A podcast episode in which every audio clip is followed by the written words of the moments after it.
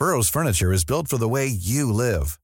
From ensuring easy assembly and disassembly to honoring highly requested new colors for their award-winning seating, they always have their customers in mind. Their modular seating is made out of durable materials to last and grow with you. And with Burrow, you always get fast, free shipping. Get up to 60% off during Burrow's Memorial Day sale at burrow.com slash ACAST. That's burrow.com slash ACAST. burrow.com slash ACAST. It's that time of the year. Your vacation is coming up. You can already hear the beach waves, feel the warm breeze, relax, and think about work. You really, really want it all to work out while you're away. Monday.com gives you and the team that peace of mind. When all work is on one platform and everyone's in sync, things just flow wherever you are. Tap the banner to go to Monday.com. This Mother's Day, celebrate the extraordinary women in your life with a heartfelt gift from Blue Nile. Whether it's for your mom, a mother figure, or yourself as a mom, find that perfect piece to express your love and appreciation. Explore Blue Nile's exquisite pearls and mesmerizing gemstones that she's sure to love. Enjoy fast shipping options like guaranteed free shipping and returns. Make this Mother's Day unforgettable with a piece from Blue Nile. Right now, get up to 50% off at BlueNile.com. That's BlueNile.com. Palmemordet, Sydafrikaspåret del 10. Fortsatt förhör med Dirk Coetze.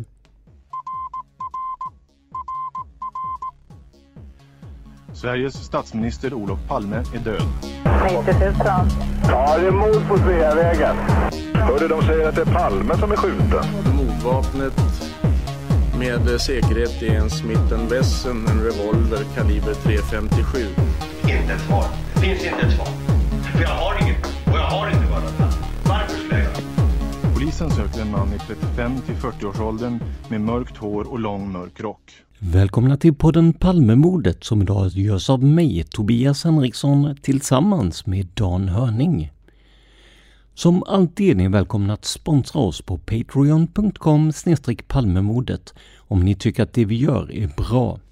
Det är också ni som sponsrar oss som kommer att få de första inbjudningarna till Palmevandringen 2023 då vi ses över en bit mat och dryck i Stockholm. Självklart får ni också en guidad tur i mördarens fotspår av mig och Dan. Om du vill så går det också bra att stötta oss via Swish. Då använder du dig av numret i avsnittsbeskrivningen och märker din insättning med Palmemordet. Idag ska vi återigen ta oss an det förhör som kan vara det som har varit allra svårast att få ordning på, både vad gäller innehållet och formen. Det är Dirk Coetze som förhörs om Palmemordet, men sin vana trogen pratar han gärna om precis allt annat än just det. Våra svenska förhörsledare Hans Ölvebro och Jan Danielsson har fullt upp med att få honom tillbaka på banan. En annan sak som ställt till det är såklart maskningen av dokumenten och där har vi försökt byta ut de maskade namnen mot något generellt, som person 1 och 2, eller helt enkelt hoppa över meningen om det inte ger något till själva historien. Vi har fått in en hel del material från er lyssnare om bland annat uttal och annat som nämns i de här avsnitten. Men detta tar vi i det tredje och sista avsnittet med förhör från Quetze som egentligen då ska uttalas på något annat sätt. Men nu över till förhöret där Dirk fortsätter att berätta. Där den här Rian Stander berättade för mig om Longreach som var sektion A. Det hade ingenting att göra med jag kände dem, jag kände Rian, jag kände Craig Williamson, jag känner Peter Castleton väldigt väl. Jag känner person två väldigt väl och bara sådär. Jag sa, vem, vem är Olof Palme? Och han berättade att den svenska statsministern, det borde du veta. Så efter Boris Ersson frågade mig så sa jag det till honom. Och jag sa att det är hörsägen och han sa Kan du inte presentera mig för Rian? Och jag sa ja, ja visst. Och jag kontaktade Rian, fick eh, Rians nummer. Jag vet inte om du har pratat med honom och, och så jag gav honom Reans nummer och de hade många. Det här företaget var i Liberia och, och de drev Intercol och sen var det GMR och sen var Longreach och det var eh, och för dem att säga att Longreach bara startade 1990 jag ska ge dig namnet på en advokat som speciellt utredde historien kring Longreach. Som först var ett sydafrikanskt företag och sen senare likviderades men eh, köptes över och eh, fortsatte med det. Så vad jag gjorde var att jag introducerade Boris Ersson för Rian Stander. Rian bekräftade för Boris, eh, till Ersson, vad han sa till mig. Vilken advokat är det du menar nu? Namn. Det är hans telefonnummer till kontoret och hans hemnummer och hans mobiltelefonnummer. Ölvebro säger, eh, kan vi kanske få en kopia på den här pappren? Och Danielsson säger, ja, och eh, visitkorten. Ja visst, inga problem, inga problem, inga problem alls. Eh, men det här är också ett företag som Craig Williamson eh, drev tillsammans med Rian genom och ja, etc. Men i vilket fall, okej, okay, så Boris frågar Rian om eh, han kan prata med honom eh, inför kameran och Rian säger ja. Och vad han nu berättade framför kameran, det vet inte jag, men Boris eh, var väldigt glad sen.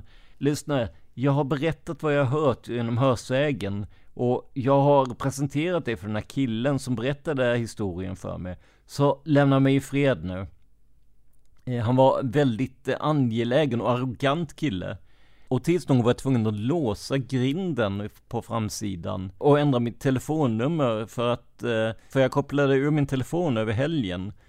Om jag kopplade in den igen på söndagskvällen, fem minuters Boris Ersson. Jag vet inte hur, han måste ha haft, och han bara fortsätter, hallå det är Boris som talar. Och som att ingenting hade hänt. Så jag låste till slut eh, grindarna på framsidan och sa om du tar dig över den där grinden. Jag var en man som, alltså det var många som har försökt döda mig. Försök och jag kommer visa dig någonting. De kommer få bära hem dig i en låda till Sverige. Du kommer inte vilja lyssna. Jag berättade min historia för dig. Jag introducerade dig för Rian. Eh, kom nu inte och berätta vad du ska göra med Rian om eh, han inte vill samarbeta med dig. För tydligen, i alla fall för honom, så pratade han sen med eh, person två som gav sitt fulla godkännande. Och det var vad Boris Ersson sa. Och sen, eh, sen åkte han tillbaka till Sverige och sen pratade han med en person. Han var också på TV igår kväll. En person som företrädde Eugene de Kock, det är Rians advokat. Han är ju eh, precis rakt över gatan, han är i Southern Life-byggnaden, eh, bara här runt hörnet i samma kvarter. Du kan nå honom och prata med person 1 och säg att um, de kommer betala alla kostnader om Rian kommer över och, och jag vet inte något mer. Och sen började han till slut ringa mig igen mitt i natten och säga om Rian inte kommer, eh, kommer så kommer de att göra det. Och jag sa, vad är det du berättar för mig? Jag behöver inte höra det. Och det är efter det som jag bytte mitt telefonnummer och sa, lyssna, jag har fått nog. Vad Rian säger idag, det vet inte jag. Det kan jag inte berätta för dig. Men vad som hände nu med svenska journalister jag eh, fick dem att prata med en person som var ansvarig för antipropagandan. Om du hade negativ propaganda mot Sydafrikas polis och mot sydafrikanska regeringen så var det den här personen i sektion D, han var en överst i polisen han var expert på att vända negativ propaganda mot eh, Sydafrika. Han kommer berätta det för er. Han har 50 journalister på sin lista, på hans, eh, eh, på polisens lönelista. Om en studentorganisation till vänster eh, började på campus så startade den här personen upp en på högerkanten. Så vad jag gjorde var att jag introducerade honom för eh, svenskarna och så sa jag Det här är vad du kan förvänta dig från den här mannen. Lyssna till hans historia. Och sen eh, lyssnade han på hans historia. Och sen så tog jag med honom, Peter Castleton och mig själv som satt där på en sida eh, och sen kom in och började fråga personen frågor. Och nu det här med Wolfgang Afterbladet. Och här tror vi att det är en person som heter Wolfgang och möjligen är från Aftonbladet för det är så likt där men eh, Och hans kameraman, en kväll, de satt där, eh, en, en kväll så satt person ett där och jag sa, Vicky, varför, alltså det är så, det är så underbart, de har censurerat Vicky någonstans. Och så skriver de ut det här. Och hans kameraman en kväll, de satt där och jag sa, Vicky, varför slutar du inte att sprida massa nonsens till världen? Varför, varför står du inte upp för sanningen? Lögnerna är över, de tiderna är över. Och Vicky bara log dumt. Jag vet inte om ni såg tv-programmet i måndags kväll. Såg ni måndagskvällens dokumentär? Ja. Och sen sa jag till Vicky, berätta, då, berätta för dem om Philip Powell och vad som var din officiella ranking i sektion D med antipropagandan. Och sen skulle Vicky säga det till dem. Han berättade för Walker. Och sen sa han, och jag sa, Philip Powell, Philip Powell var en löjtnant hos mig. Philip Powell är nu IFP-senator. Senator J.F. Powell, som Craig, äh, Eugene DeCock jobbade väldigt nära. Och sen stal Craig Williamson honom till Longreach. Och jag säger, vad va, va gör du? Eh, framför journalister, framför Peter Castleton. Vad gör du om Philip Powell bestämmer sig för att en dag berätta sanningen? Hans svar var, det kommer han inte att göra. Och normalt så skulle du fråga, vad då för sanning? Alltså berätta vilken sanning? Och hans svar var, det kommer han inte att göra. Och jag sa till honom, Vicky, enligt information som jag har fått från svenska journalister så säger några att Williamson var i en lägenhet. Några säger att han var i en husvagnspark tre dagar innan Palmemordet. Han och, en, och två andra personer. Jag vet inte om det var män eller kvinnor. Så jag pratar om Sverige. Jag känner inte till Europa, det gör jag inte. Och Vicky framför de här journalisterna säger Stockholm i International Police Associations hus på eh, mordkvällen. Och han säger Ja, eh, var Craig medlem i International Police Association? För vid den här tiden skulle han varit med militära underrättelsetjänsten eh, undercover. Men på ytan skulle han vara i presidentrådet och, och stå för och företräda National Party i Bryanston. Det var bara en front. Han sa i IPA-huset eh, på mordnatten, trots att han inte var medlem av IPA. Och sen så skrattade han lite dumt. Jag sa, du pratar om dem. Vem, eh, vem vilka var de andra två personerna? Och Vicky började stamma och, och gå tillbaka i sin historia. Okej, okay, sen när Vicky lämnade så drog han tillbaka stolen. Eller drog han ut stolen. Eh, Peter satt där. Han tog två steg tillbaka och han tittade tillbaka på Peter och han sa Peter, säg inte för mycket. Och Peter skrattade. Han sa Det där är ett erkännande, ditt svar. Och när eh, Peter pratade om vad jag hade hört första gången om Bertil W är när en svensk journalist, jag tror det var Aftonbladet, Magdalena, som gav mig en bild på eh, Vedin och sa mig att han, och berättade för mig att han arbetade med Peter Castleton i London. Och eh, om jag eh, i London under tidigt 80-tal när Peter var inblandad i bombningarna av kontoren och bröt, in, bröt sig in på ANC-kontoret i London. Och jag sa, alltså jag känner inte till den här killen, jag har aldrig sett honom. Jag vill bara visa er vilket eh, foto de visade mig.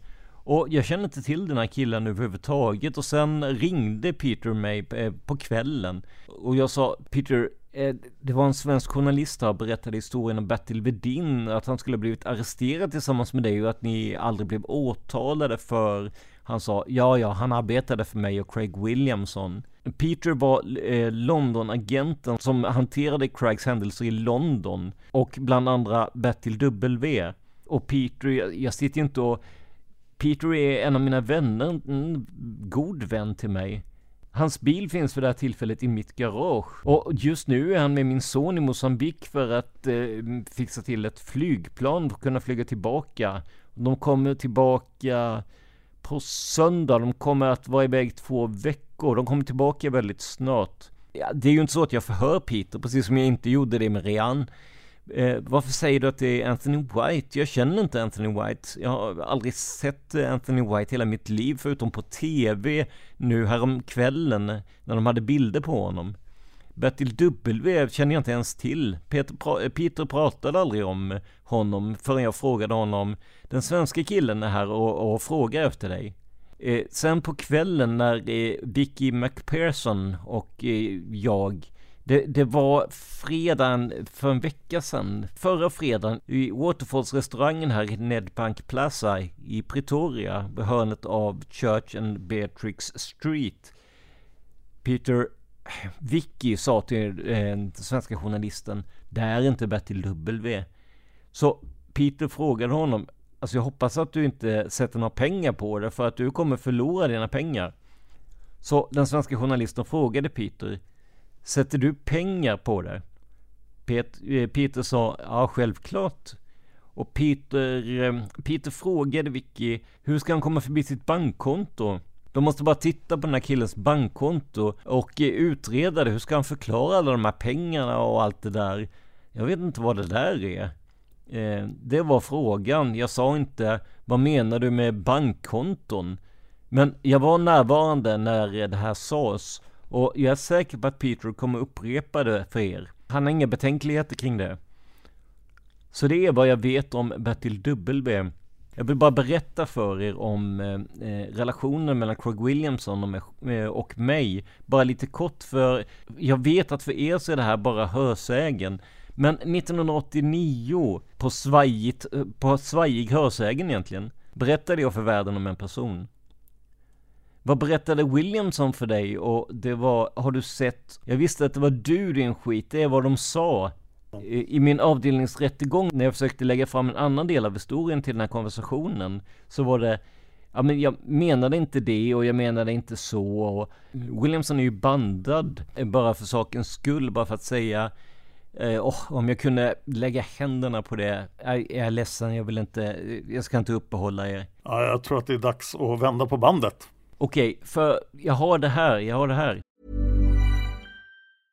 This Mother's Day, celebrate the extraordinary women in your life with a heartfelt gift from Blue Nile. Whether it's for your mom, a mother figure, or yourself as a mom, find that perfect piece to express your love and appreciation. Explore Blue Nile's exquisite pearls and mesmerizing gemstones that she's sure to love. Enjoy fast shipping options like guaranteed free shipping and returns. Make this Mother's Day unforgettable with a piece from Blue Nile. Right now, get up to 50% off at BlueNile.com. That's BlueNile.com. Millions of people have lost weight with personalized plans from Noom, like Evan, who can't stand salads and still lost 50 pounds. Salads, generally, for most people, are the easy button, right? For me, that wasn't an option. I never really was a salad guy. That's just not who I am. But Noom worked for me. Get your personalized plan today at Noom.com. Real Noom user compensated to provide their story. In four weeks, the typical Noom user can expect to lose one to two pounds per week. Individual results may vary. A lot can happen in three years, like a chatbot may be your new best friend. But what won't change? Needing health insurance. United Healthcare Tri Term Medical Plans, underwritten by Golden Rule Insurance Company, offer flexible, budget friendly coverage that lasts nearly three years in some states. Learn more at uh1.com. Då kör vi. Just det.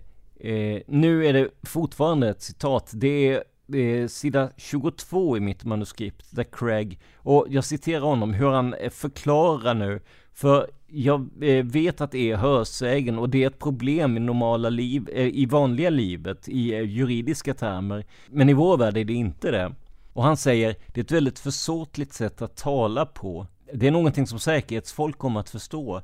Och sen fortsätter han och säger, jag tror att personer i det här yrket som, som pratar försåtligt med varandra, som har en väldigt nära relation till varandra. De förstår väldigt väl vad som pågår i den här typen av samtal. Craig Williamson på min interna rättegång den 10 juni 1985, volym 6, sida 292 och 293 och det här är ju bara för att visa då vad jag har för relation eh, från Craig, hur han förklarar för en domstolstjänsteman om den goda relationen vi hade, hur han förklarar för en domstolstjänsteman om eh, sättet vi pratade på, vilket är väldigt svårt att eh, ta fram med de här juridiska reglerna och juridiska systemet. Och det är väl ungefär det jag har att berätta. Ja, jag skulle inte säga att det var kortfattat, det var... Utförligt? Ja. Ja, men jag är alltid utförlig. Jag pratar för mycket. Men jag har fortfarande några frågor. Ja, men absolut. Har du någonsin varit i Sverige? Aldrig i mitt liv. Känner du någon svensk? Jag menar här nere eller någon annanstans, kanske i Europa eller så? Eh, nej, jag vet.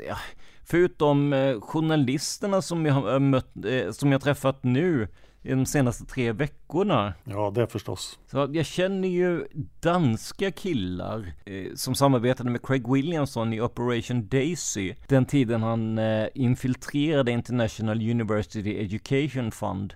Eh, men inga svenskar alls, nej. Har du aldrig mött en svensk polisman? Aldrig. Har du hört någonting om svenska polismän som har varit här nere i Sydafrika till exempel för utbildning eller någonting liknande. Jag läste i tidningen att Sverige stöttar den sydafrikanska polisen och skickar folk för utbildning och för att utbilda vår polis mer... Eh, men det är ju nu. Jag menar alltså på 80-talet eller något sånt. Nej, ingenting. Ingenting alls. Men det är några i Sverige som säger att svenska polismän har varit här nere i Sydafrika för utbildning. Ja, alltså jag, jag skulle ju inte känna till det eftersom det inte var Eh, min avdelning. Min avdelning var sektion C, flaggplats och säkerhetskontoret. Så om de var här, alltså det, det beror ju på om de var här hemligt eller öppet och det beror på vilken del av polisen, om det var Operation Daisy. Det, det måste ju ha varit i hemlighet på Daisy Farm. Om det var, eh, jag vet inte, men jag vet inte, jag, jag har ingen eh, förstahandsinformation om det. Ölvebro Nej, okej. Okay. Har du några frågor Danielsson? Danielsson? Ja, det har jag. Som jag förstår dig så sa Rian Stander till dig att Anthony White faktiskt sköt Olof Palme. Det stämmer. När då? Eh, 18 månader till 24 månader sedan. Jag tror att man behöver titta i Boris Ersons eh, pass för att få det exakta datumet när han ja, flög in hit till landet. Han stannade ungefär en vecka eller två och sen så åkte han igen. Så om du kan få tag på Boris Ersson. det var innan jag gick med i, i NEA i februari 1995. Så måste ha varit antingen i början eller mot slutet av 1994. Han var här ensam.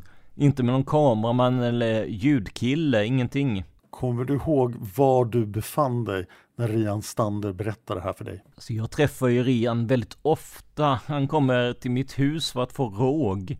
Vad, vad, vad jag gjorde var att jag, jag presenterade Rian för chefsåklagaren och eh, en advokat.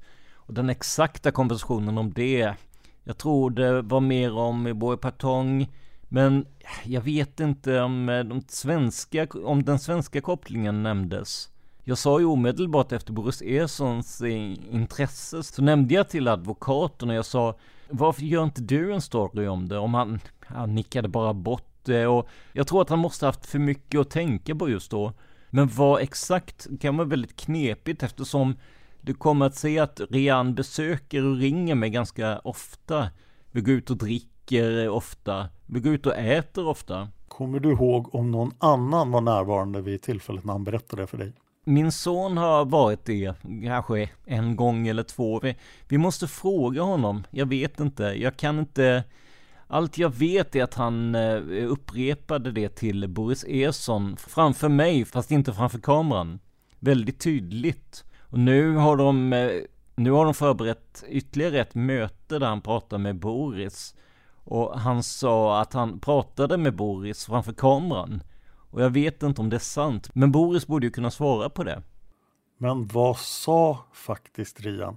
Sa han bara att Anthony White tryckte på avtryckaren eller? Alltså Williamson var inblandad, det var Craig Williamsons operation och Anthony White mördade honom. Vilket Peter Castleton självklart förnekar. Peter säger att det är inte Ant, Anthony då, det är Bertil W eller något annat. Först sa han att det är en kille som bor i Turkiet. Och sen när jag sa att den svenska journalisten var här och visade honom fotot så antydde han att det är eh, Bertil W. Och, för, och självklart förklarade jag det på det sättet för Rian. Rian satt, eh, jag vet inte om det är intressant för er, men han satt i, i mitt eh, vardagsrum. Och det var ungefär tre veckor sedan när han pratade med, eh, han pratade med någon på Channel 4 Television. Och journalisten ringde på morgonen för att fråga Ron Reed Daly om ett tidigare rhodesiskt telefonnummer. Han eh, bor nära Johannesburg och jag känner inte de där killarna. Det där var killar från sektion A. Eh, och de jobbade med tillsammans med Craig Williamson.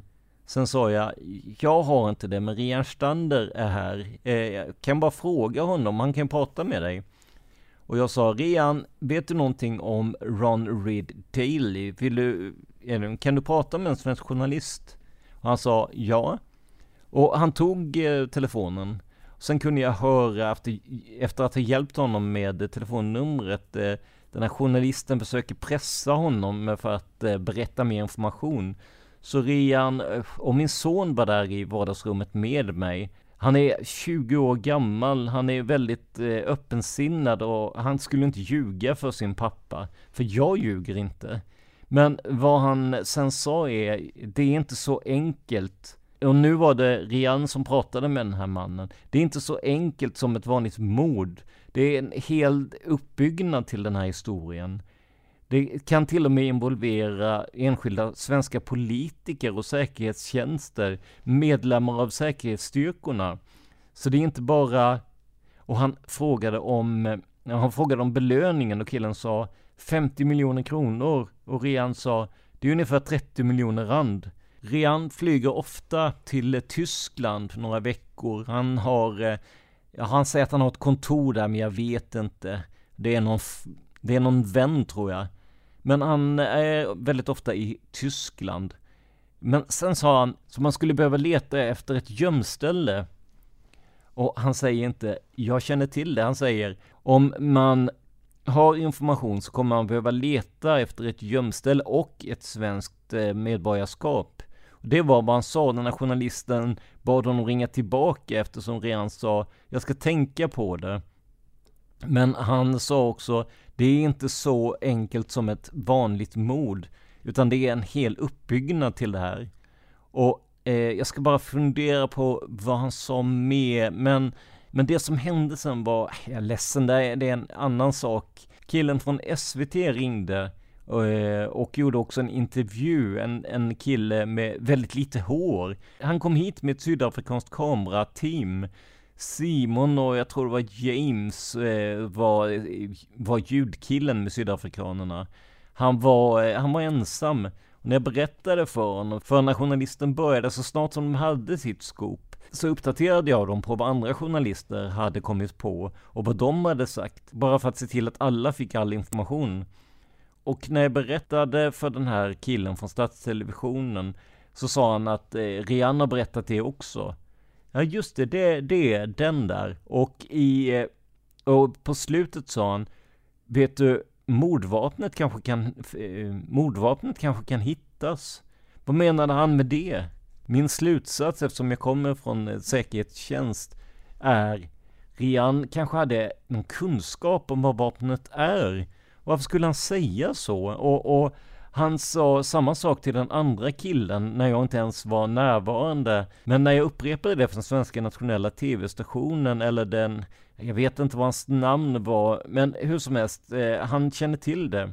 När Rian Stander nämnde Anthony Whites namn som mördaren, berättade Rian då hur han hade fått den kunskapen? Hur drog han den slutsatsen? Så intrycket han gav var att, var ett, eh, att det var ett resultat av att han har varit en del av Craig Williamsons team i Longreach. Så han sa också att han länge var stationerad på de grekiska öarna redan.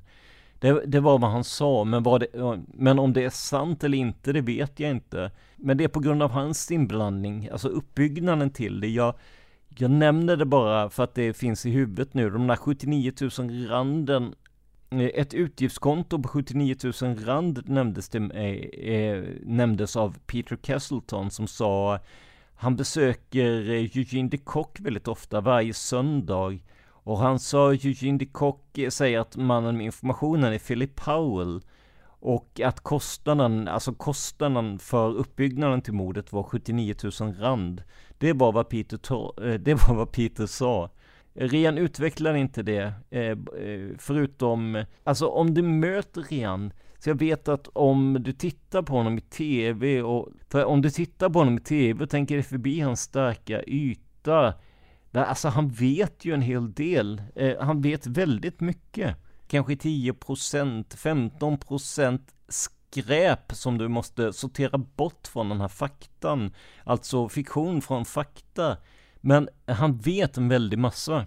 Men vid det här tillfället så refererar han alltså inte till någon annan person. Han bara sa det här rakt ut. Ja, det stämmer.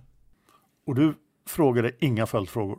Nej, nej, nej, nej. Fråga Peter Castleton med Bertil W. Jag menar, jag satt ju bara där under det här samtalet. Det funkar ju liksom inte på det sättet. Känner du själv Anthony White? Har du mött honom eller? Aldrig i hela mitt liv. Första gången jag hörde hans namn var när Rian nämnde det. Den första gången jag såg en bild var när den fanns på, på nyheterna. Eh, ungefär eh, tre veckor sedan på en eh, söndagkväll.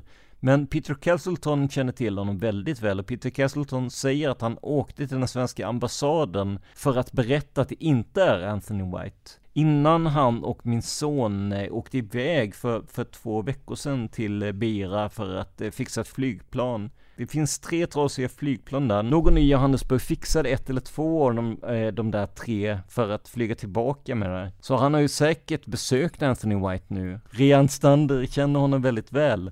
Rian säger att han bor ungefär tre gator från flygplatsen i ett tvåvåningshus med sin fru och dotter. Eh, Rian känner honom väldigt väl, det kan jag säga dig, men jag har aldrig träffat honom.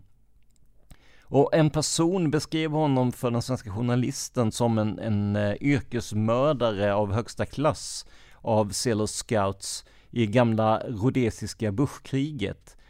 Rian, eh, ah, den här personen beskrev för den svenska journalisten hur han, hur Anthony White två gånger under tiden han arbetade för militära underrättelsetjänsten åkte ner till Lesotho för att avrätta en person som var Lesothos högste man. Och den här bilbomben som han apterade, det var fem sekunders fördröjning av någon anledning. Eller vad nu var, jag vet inte. Och konvojen hade redan passerat när bilbomben utlöstes. Och andra gången som han åkte till Lesotho så skulle ledaren prata inför en folkmassa och de hade exakta eh, replikas av någon slags staty som var fylld med sprängämnen och Anthony White var eh, på väg ner när eh, den sydafrikanska polisen fick tag på honom i en vägspärr och ringde säkerhetspolisen och en överste på sektion C och samarbetade tätt med Craig Williamson på senare år. Han eh, gick i pension från polisen i, nu i februari, ja, ungefär. Han var med mig i sektion C som kapten 1981. Och en av de som för, eh, förhörde honom sa sen att han bara fick 2000 rand i böter för illegalt in, innehav av explosiva varor och en AK47 och sen släppte honom eftersom de insåg, oh shit, han är ju en höjdare i underrättelsetjänsten. Och bara för att, bara för att kort Eh, ger en uppdatering. 1981 var det ganska lätt att dra en linje mellan den polisiära underrättelsetjänsten och den militära underrättelsetjänsten. Vi, vi jobbade inte tillsammans. Det var först senare som det blev någon slags eh, påtvingat äktenskap på ett sätt. Vi, hade, eh, vi var tvungna att utbyta information. Om vi tar CCB till exempel. Vad var C? Civil Corporation Bureau som var en militär underrättelsedel. Titta på eh, gänget i den grenen. Stahlburger, en eh, ex-överst i polisen, Ferdi Banad som var på tv bara för en kväll sedan, en överst inom polisen, vissa polismän och så mycket mer. Så många poliser jobbar nu den militära underrättelsetjänsten. Craig Williamson sa upp sig och Johan Coetze gör en stor grej av det i, i lokala, i de lokala tidningarna. Att titta, han lämnar, vi har förlorat en stor man. Men tack och lov så finns hans eh, kunskap fortfarande tillgänglig för presidentrådet. Men under tiden lämnade han polisen för att förblinda världen och frihetsrörelsen. Och istället så började han jobba i den militära underrättelsetjänsten. Rian Stander, tidigare polisman med Craig Williamson i Longreach lämnade. Philip Powell, eh, löjtnant Philip Powell, gick till Long Reach tillsammans med Williamson. Så polisen och speciella grenar av den militära underrättelsetjänsten började samarbeta och blev ihoptvinnade. Titta bara på den här killen som talade igår kväll. Han var den här killen som flög till London tillsammans med kapten Pamela Durand för att arrangera ett beställningsmord tillsammans med Ulsterlojalisterna på mig. Den 11 april 1992 landade de i London och de arresterades av Scotland Yard den 14 april. Han är en tidigare flaggplatspolis, men vid den här tiden så var han, eh, var han involverad med den militära underrättelsetjänsten, eh, Directorate of Covert Collection, DCC. De blev så tätt sammantvinnade och jobbade så nära varandra att det var, det var svårt att urskilja vad som var vad. Jag menar, de åkte till Blackblast när de ville till Daisy och det var en röra, en stor röra. Jag är ledsen för det här långa. Nu, nu vi går tillbaka till era frågor. Ja, vi har några namn. Du har redan nämnt en massa människor, men vi har några andra namn vi vill fråga dig om. När Craig Williamson lämnade polisen och gick över till det militära så var hans chef en person som kallas för... Jag känner inte honom, men jag har hört namnet en hel del. Rian kan... Um, har ni träffat Rian redan eller inte? Jag vet inte, men om ni träffar Rian så har han ganska mycket på den här personen. Men jag har aldrig träffat honom. Eh, jag har bara hört namnet igen då från Rian. Vet du hans riktiga namn? Nej, det är ett smeknamn, det är ett smeknamn som, jo, jo, som vad? Nej, jag känner inte till hans riktiga namn. Men varje, alltså om du pratar om personen, alla känner till honom i underrättelsevärlden, allihopa vet. Kommer jag titta honom här i Pretoria? Ja, ja men absolut. Han är lätt att hitta i Toleche. Jag är säker på att om ni ringer igen... Uh... Ölvebro. Ja, vi har försökt ringa honom i flera dagar, men han Danielsson, han ringer inte tillbaka. Inte? Jag undrar varför. Ja, springer iväg från sanningen igen. Jag kan försöka nu om ni vill. Eh, om du ger mig en eh, telefon så kan jag ta reda på det. Ölvebro, ja kanske efter... Efter intervjun ja.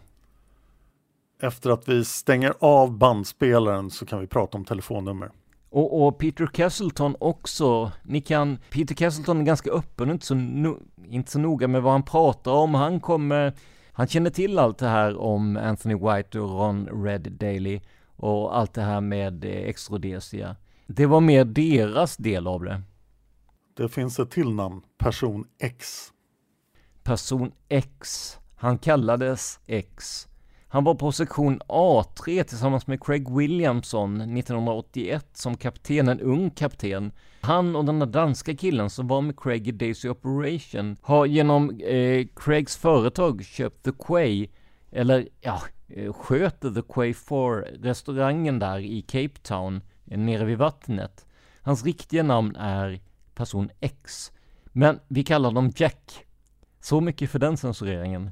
Jag, jag flög ner med ett plan till eh, eh, Kapstaden i november förra året när Craig Williamson och två angolska, svarta angolska killar, eh, taniga killar, eh, var, var med på planet. Och Mark Asmussen mötte dem vid flygplatsen, på flygplatsen. Och de gick, eh, de gick direkt upp till Craig Williamson, men han var så nervös, men jag sa Alltså, kan vi inte ta en öl tillsammans Craig? Och han sa, nej, jag har faktiskt ganska bråttom, jag måste flyga tillbaka. Jag måste flyga tillbaka men prata med den här killen istället, han är jättetrevlig. Men de eh, kontaktade mig aldrig. Eh, men Mark sa att han är ute i Quay 4 nu. Han är nu med Craig med diamanter i Angola. Men Quay 4 är en militär front. De hade den här restaurangen, om du sitter på Quay 4 i Kapstaden titta ut över vattnet och titta till vänster så är det en annan restaurang som tillhörde dem. The Coila, någonting med tequila, Mexican tequila och something, eh, Mexican tequila eller någonting som eh, Louise hade sålt, eller som de hade sålt och gett bort, eh, sålt eller gett bort eller någonting sånt där till den tidigare polisministerns två söner. De sköter tequila det är ju helt klart bara en täckmantel. Och det är säkert något som startades upp av Craig Williamson och med pengar från skattebetalarna. Han var fattig. Han besökte Peter eh, när Peter fortfarande var i London, Peter Castleton. Han besökte honom och han hade inga pengar. Han var en fattig polisrotta som jag är, inga pengar. Och Peter tog hand om honom väl. Peter kan berätta den här historien. Men här har ni ju lite som kan hjälpa er. Sen bör Ölvebro fråga efter någon annan. Där är mycket censurerat och de försöker prata fram och tillbaka. Men eh, de kommer fram till att Coetzee inte känner den här killen. Hey, it's Danny Pellegrino from Everything Iconic. Ready to upgrade your style game without blowing your budget? Check out Quince. They've got all the good stuff, shirts and polos, activewear and fine leather goods, all at 50 to 80% less than other high-end brands. And the best part? They're all about safe, ethical and responsible manufacturing. Get that luxury vibe without the luxury price tag. Hit up quince.com slash upgrade for free shipping and 365 day returns on your next order. That's quince.com slash upgrade. Want flexibility? Take yoga. Want flexibility with your health insurance? Check out United Healthcare Insurance Plans. Underwritten by Golden Rule Insurance Company, they offer flexible, budget friendly medical, dental, and vision coverage that may be right for you. More at uh1.com. Planning for your next trip? Elevate your travel style with Quince. Quince has all the jet setting essentials you'll want for your next getaway, like European linen, premium luggage options, buttery soft Italian leather bags, and so much more. And is all priced at 50 to 80% less than similar brands. Plus, Quince only works with factories that use safe and ethical manufacturing practices. Pack your bags with high-quality essentials you'll be wearing for vacations to come with Quince. Go to quince.com/pack for free shipping and 365-day returns. Sen kommer ett danskt namn och den personen känner Coetzee inte heller till. Sen pratar de om en polisman i Port Elizabeth och Coetzee vet inte vem det är heller. Sen har Ölvebro ett till namn. Coetzee säger nej, nej, han känner inte heller. Men sen då? Sen säger Ölvebro och en annan person är Gege. Wow, Gegge, Gegge. Han var också där, han var i restaurangen. Jag presenterade honom för eh, de svenska killarna också. Ja, så det gjorde du? Ja, vi, vi kallar honom GG. Du, du eh, ni förstår att hans initialer är G, men eftersom han har ett så vanligt eh, sydafrikanskt namn så kallar vi honom för GG. Han röker inte, men han älskar sina små tutsis. Han är inte sådär, alltså han, han jobbar för ett eh, datorföretag och han gav eh, min, min son ett kort. Jag kan gå hem och, och leta efter det här visitkortet.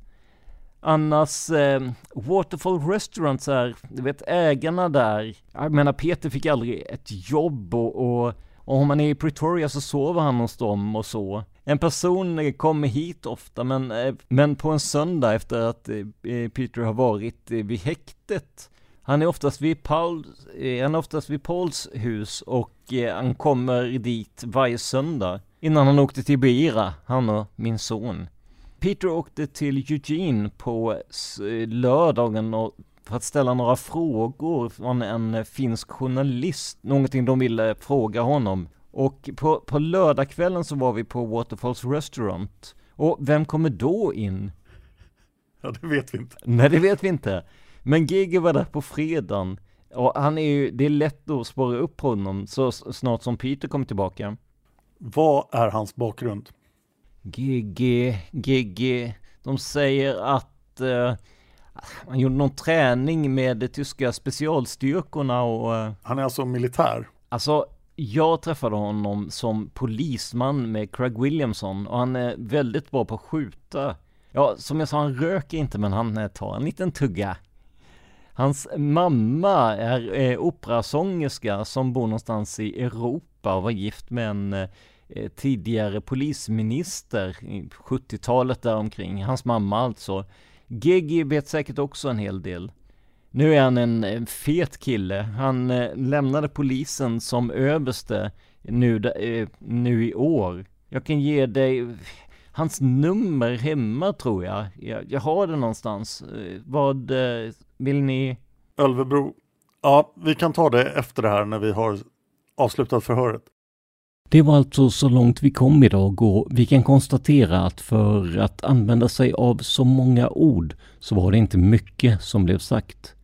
Egentligen påstår han sig inte känna någon och han vet absolut ingenting själv. Men han pratar gärna och mycket om sitt liv oavsett om det har med saken att göra eller inte.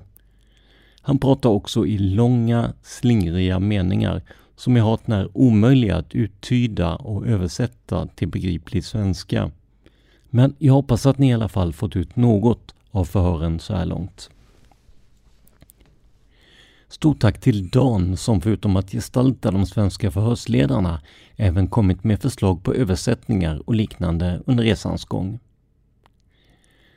Med det är det dags att avrunda dagens avsnitt och jag gör det med att påminna er om att ni kan stötta oss om ni tycker att det vi gör är bra. Alla sätt att göra det på hittar ni i avsnittsbeskrivningen. Och när det här sänds ut första gången har det precis varit jul 2022 och vi närmar oss nyår så Dan och jag vill passa på att önska er alla en riktigt god fortsättning på julen och ett gott nytt år. Målet är såklart att leverera avsnitt som ni gillar under det kommande året, precis som vi gjort sedan 2016. Om ni vill komma i kontakt med oss så gör ni det lättast via adressen simwaypodcast gmail.com Alltså z-i-m-w-a-y podcast at gmail.com Du kan också skriva i respektive trådar om avsnittet på Facebook. Vi finns i grupperna Studio Palmemordet och Palmerummet. Det här var veckans avsnitt av podden Palmemordet som idag gjordes av mig, Tobias Henriksson på PRS Media tillsammans med Dan Hörning. För mer information om mig och mina projekt gå till facebook.com prsmedia.se eller gilla oss på Instagram där vi heter PRS Media, ett ord, små bokstäver. Stort tack till Dan för medverkan i det här avsnittet. Men framför allt, stort tack för att du lyssnar på podden Palmemordet. Man hittar Palmes mördare om man följer PKK-spåret till botten. För att ända sedan Julius Caesars tid har jag aldrig hört talas om ett mord på en framstående politiker som inte haft politiska skäl. Polisens och åklagarens teori var att han ensam hade skjutit Olof Palme. Och det ledde också till rättegång men han frikändes i hovrätten. Nu ska